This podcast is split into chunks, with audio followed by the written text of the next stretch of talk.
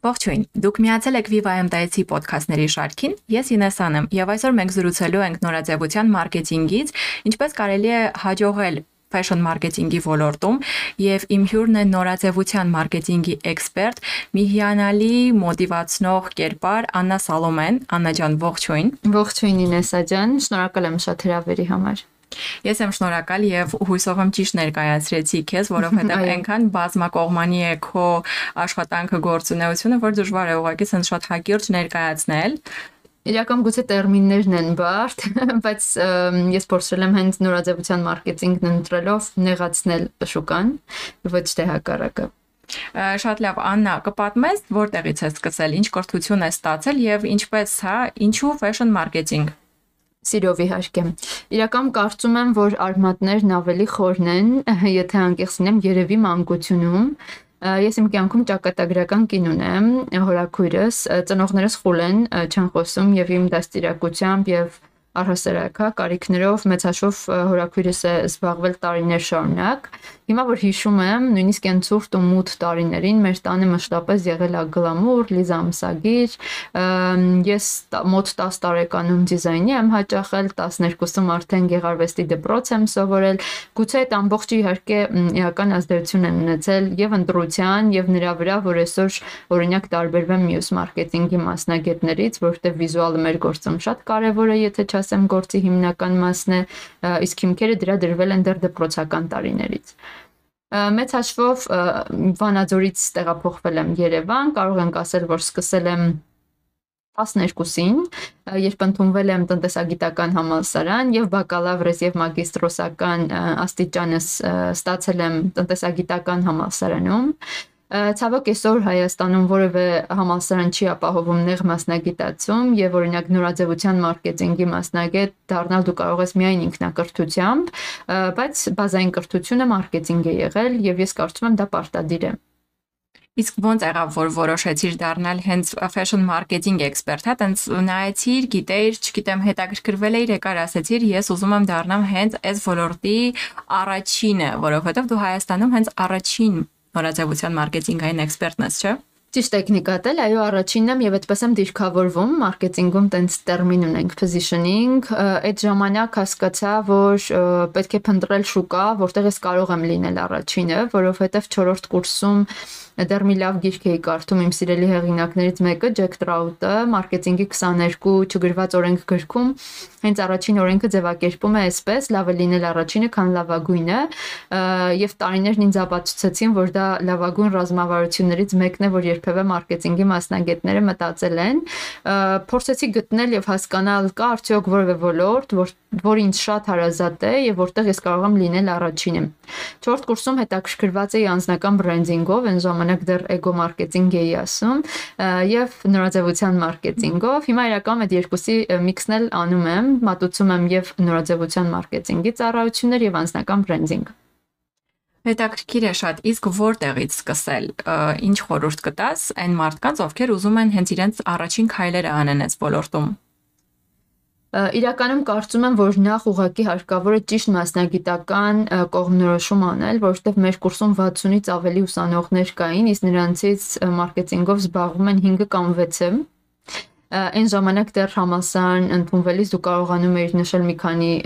բաժին եւ մեկը չընդունվելու դեպքում մյուսն էր ընդունվում եւ մեր համասարում երևի երկու հոգի էինք կամ միակն էի, լավ չեմ հիշում, որի սկզբանե մարքեթինգ էինք դիմել։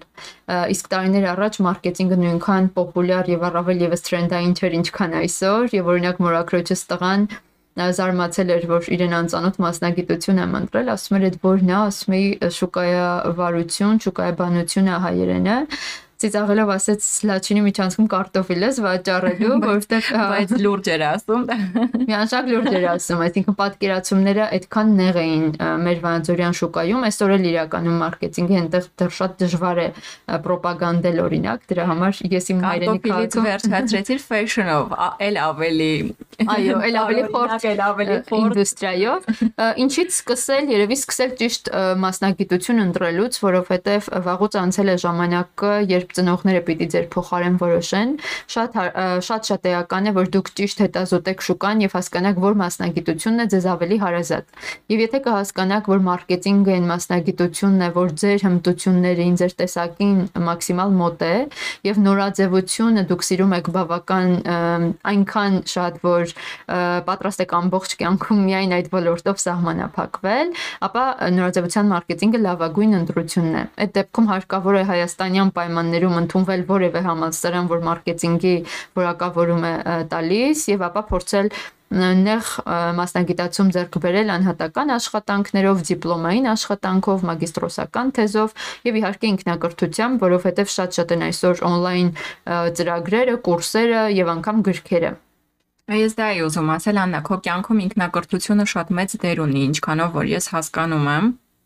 Ես կարծում եմ ինքնակրթությունն իմ դեպքում երևի գործի 90%-ն է կատարել, թեև չեմ թերագնահատում ֆորմալ կրթության դերը մեր կյանքում, որովհետև համալսարանի պատերը անգամ քեզ սովորեցնում են ճիշտ մտածել, գրագետ արտահայտվել, հենց մասնագիտական առումով։ Այսինքն ես եւ օրինակ կրթություն չստացած մեկ այլ մարքեթեր իրարից վստահաբար տարբերվում ենք գոնե դրանով։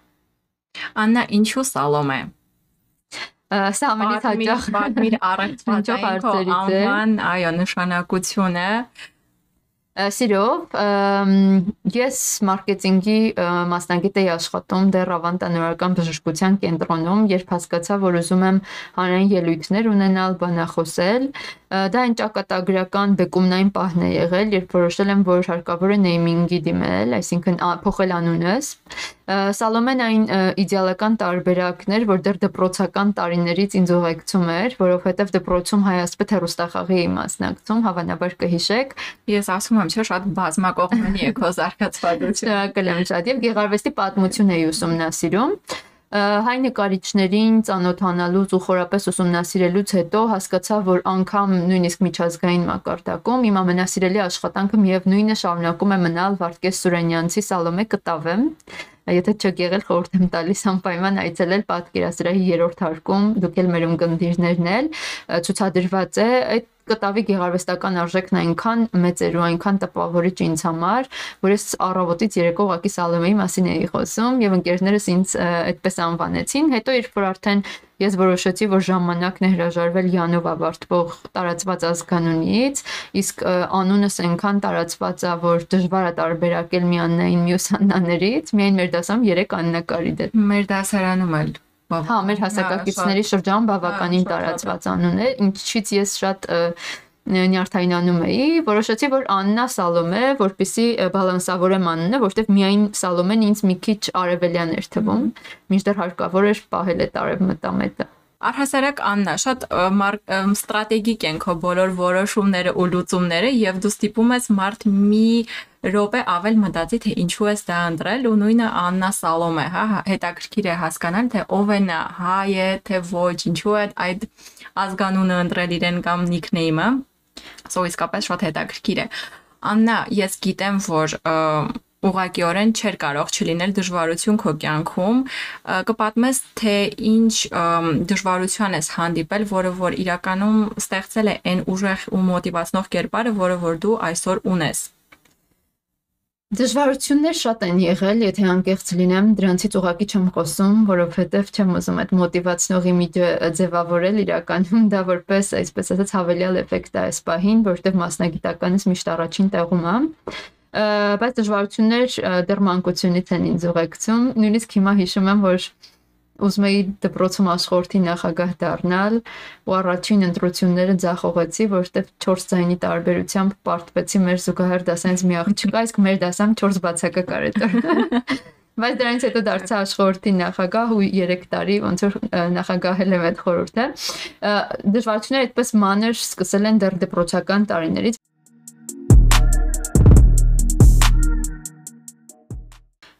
Երևի այդպես, այսինքն դժվարություններ շատ են եղել, սկսած ընկերությունը բացելուց, որովհետև դա որոշեցի իդի ամենաթեժ փուլում, երբ մարդիկ փակում էին իրենց ընկերությունները։ Հետաքրքիր է շատ։ Աննա, ինչ է մոդելային գործակալությունը քո իրենից ներկայացնում ու առհասարակ դրա պահանջը Հայաստանում ինչքանով է? Հաշվի առնելով այն, որ մեր կներես ընդհատեմ սոմա, սոմա, սոմա ինչ է։ իրենից ենթադրում քո մոտ յուրահատուկ քեզ մոտ անունների ընտրության հանդեպ սենց երկար շատ դժվար է ընտրել այո շնորհակալ եմ շատ սոման մեր նորաձևության արդեն մարքեթինգից անկախ մոդելային գործակալությունն է Soma Models and Talent այդպես է կոչվում գործակալությունը ինչու Soma Soman ընտրել եմ Չարենցի Soma պոեմից ոգեշնչվելով շատ շատ սիրելով այդ ստեղծագործությունը դեռ դպրոցական տարիներից անվերջ առիթ էի փնտրում եւ գործընկերներին չէի տալիս այդ անունը, այսինքն շատ վաղուց եմ թիրախավորել, բայց հարմար բիզնես էի փնտրում դրա համար Էլի նեյմինգի տեսանկյունից հրաշալի աշխատումը, ընդամենը 4 տարը, սիրված տարերն են, այսինքն իդեալական տարբերակ է իրականում, բայց բացի այդ ունի նաև նշանակություն, ինքը հնդկական կարծեմ դիցաբանության մեջ են կախարդական ըմպելիքն է, որով գայթակղում են այսպես ասած։ Այո։ Ինձ գիտես ինչն է հետաքրքիր, որ դու հրաժարվել ես Յանից, բայց ցանկացած անուն, ցանկացած ինչ որ գործունեություն, գործողություն կապում ես հենց հայկականի հետ մեծ հաշվով նման առաքելություն եմ ստանձնել ուղակի, այսինքն նպատակ ունեմ եւ նորաձևության շուկան Հայաստանում զարգացնել եւ մոդելային ինդուստրիան, որովհետեւ կարծում եմ այդտեղ բացերը շատ-շատ են։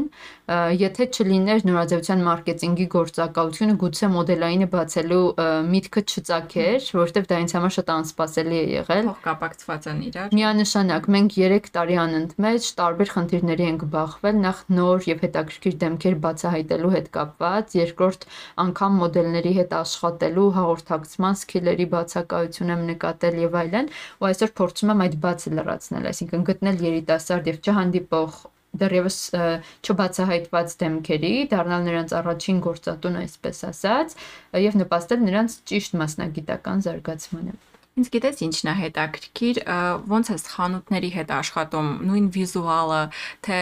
գիտենք սուպերմարկետների, դեղատների հետ կապված, քանի որ ես առնչություն ունեցել եմ, բայց ինձ հետաքրքիր է խանութների հետ, հա, նորաձևության սրահների, ինչպես է, օրինակ, մարդը ավելի շատ որ կողմ է գնում, մի քիչ կպատմես դրա մասին։ Կոնկրետ դա մարքեթինգում հենց այն գործիքներից մեկն է, merchandising, որ օրինակ նորաձևության մարքեթինգը տարբերում է դասական ավանդական մարքեթինգից։ Merchandising merchandising-ը առևտրային տարածքի, լինի դա խանութ, թե առևտրային մոլ, թե այլ կենտրոն, առևտրային տարածքի ճիշտ ու գրագետ բաշխումն ու պլանավորումն է, որ սկսում է դեռ դրսից, ցուցափեղկերից եւ վերջանում հանդերձարանում կամ հենց կախիչների վրա հագուստի դասավորվածությունից։ Merchandising-ը ֆանտաստիկ հետաքրքիր մասնագիտություն է։ Դա ես իմ դասընթացի շրջանակներում ներառել եմ, բայց դեռևս որպես առանձին կուրս չեմ հասցրել մշակել։ Ամեն դեպքում, որ լայն ունկնդրող հանրության ավելի པարզ լինի, merchandising-ը որոշում է ինչ լինի ցուցադրված ցուցափեղկին, ինչպես լինի ցուցադրված։ Որոշում է թե խանութում որտեղ պիտի լինի հանդերձարանը, դրա մարկը, որտեղ պիտի տեղակայվեն մանեկենները։ Այս ամեն ինչը բնականաբար գիտական հիմքի վրա այսինքն քանի որ կա օրինակ վիճակագրություն, որ մարդկանց ճնշող մեծամասնությունն աչլի կա, ունենք փաստ, որ նրանք սիրում են քայլել, նրանց կոմֆորտ է քայլել ժամսլակի հակառակ ուղությամբ հա? Հետեւաբար արդեն ամեն ինչ դասավորվածությունը սկսում է այդ զոնայից խանութը պայմանականորեն բաժանում ենք տաք ու սառը զոնաների տաք զոնաներում ցուցադրում ենք նորույթները պերճանքի շքեղ առարկաները, որովհետև դրանք ավելի հեշտ են գրավում հաճախորդի ուշադրությունը։ Սառը զոնաներում արդեն տեղավորում ենք այն տարածքները, որոնք այլ նշանակությամբ օգտագործելը անիմաստ կլիներ, օրինակ հանդարցարանները կամ դրամարկղը։ Իսկ Հայաստանում կա սրա պահանջարկը, այսինքն քեզ շատ են դիմում Հայաստանում այս ծառայության մասին գիտեն քչերը, եթե մենք հասցնենք լայն ինֆորմացիան տարածել լայն շրջաններում, վստահ եմ, որ շատ կլինի։ Այս պահին դեռևս չգովազդելու դեպքում մեզ դիմում են նրանք, ովքեր գիտեն այս ծառայության մասին, բայց խոսքը միայն merchandising-ի մասին է, որովհետև նորաձևության մարքեթինգի մյուս ծառայություններ բավականին պահանջված են։ Իսկ merchandising, քանի որ միջազգային բրենդերի դեպքում բրենդերը խնդիր չունեն, այսինքն եթե բրենդն իսպանական է, ապա Իսպանիայից գալիս է գայդը, եթե իտալական է Իտալիայից է գալիս գայդը, նման խնդիր չունեն, այսինքն այստեղ խնդիրն ավելի շատ հայկական բրենդերի հետ աշխատանքն է։ Հետաքրքրություն եղել է, մի քանի հայկական բրենդեր դիմել են, բայց իրենցից հագուստի բրենդերը շատ քիչ են եւ ավելի շատ մեր кейսերը պայմանավորված են հոմ դեկորի, տեխնիկայի եւ մնացածի հետ կապված։ Աննա, ի՞նչն է կնոջը դարձնում ոչ այն ու տարբերող Ես հիմա տեսնում եմ քո ոճը, ցավոք մեր լսարանը չի տեսնում ու ես չի կարող այս հարցը չտալ։ Շնորհակալ եմ շատ։ Ես իրականում ոճից խոսել չեմ սիրում, որովհետև կարծում եմ, որ դա ոճաբանների գործն է, թեև նույնիսկ լրագրողները շատ են հարցնում, ինչն է տրենդային, ինչն է ակտուալ։ Ես այդ ինֆորմացիան պարտավոր եմ իմանալ, բայց իրականում ճիշտ չեմ համարում ինքս մեկնաբանել։ Ես կարծում եմ, որ ոչ ունենալն ամենակարևորն է եւ տրենդերին բացարձակ չտրվելը սխալ է հարկավոր է ուսումնասիրել տրենդերը, դեմոդե ոչինչ չհակնել, եթե դու այս ոլորտում ես, բայց թե տրենդերից որոնք կիրառել քո զգեստապահարնում, որոնք չէ, դա պիտի որոշվի բացառապես քո ոճի հետ համադրելու շնորհիվ։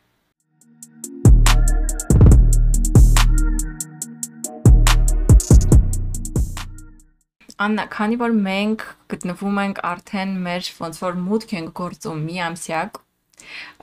եւ ուղղակի չենք կարող չխոսել կնոջ դերի մասին, քանի որ սա կանանց միջազգային տոնն է մարտի 8-ը եւ մենք առհասարակ միամսյակը տոնում ենք հենց այդ առիթով կա քո կյանքում կնոջ կերպար կամ լիդեր կնոջ կերպար, ով ոգեշնչել է քեզ կամ շարունակում է ոգեշնչել եւ դու կուզեիր բարձրաձայնել իրականում այս առիթով երևի պիտի ասեմ, որ երբևէ որպես կին որևէ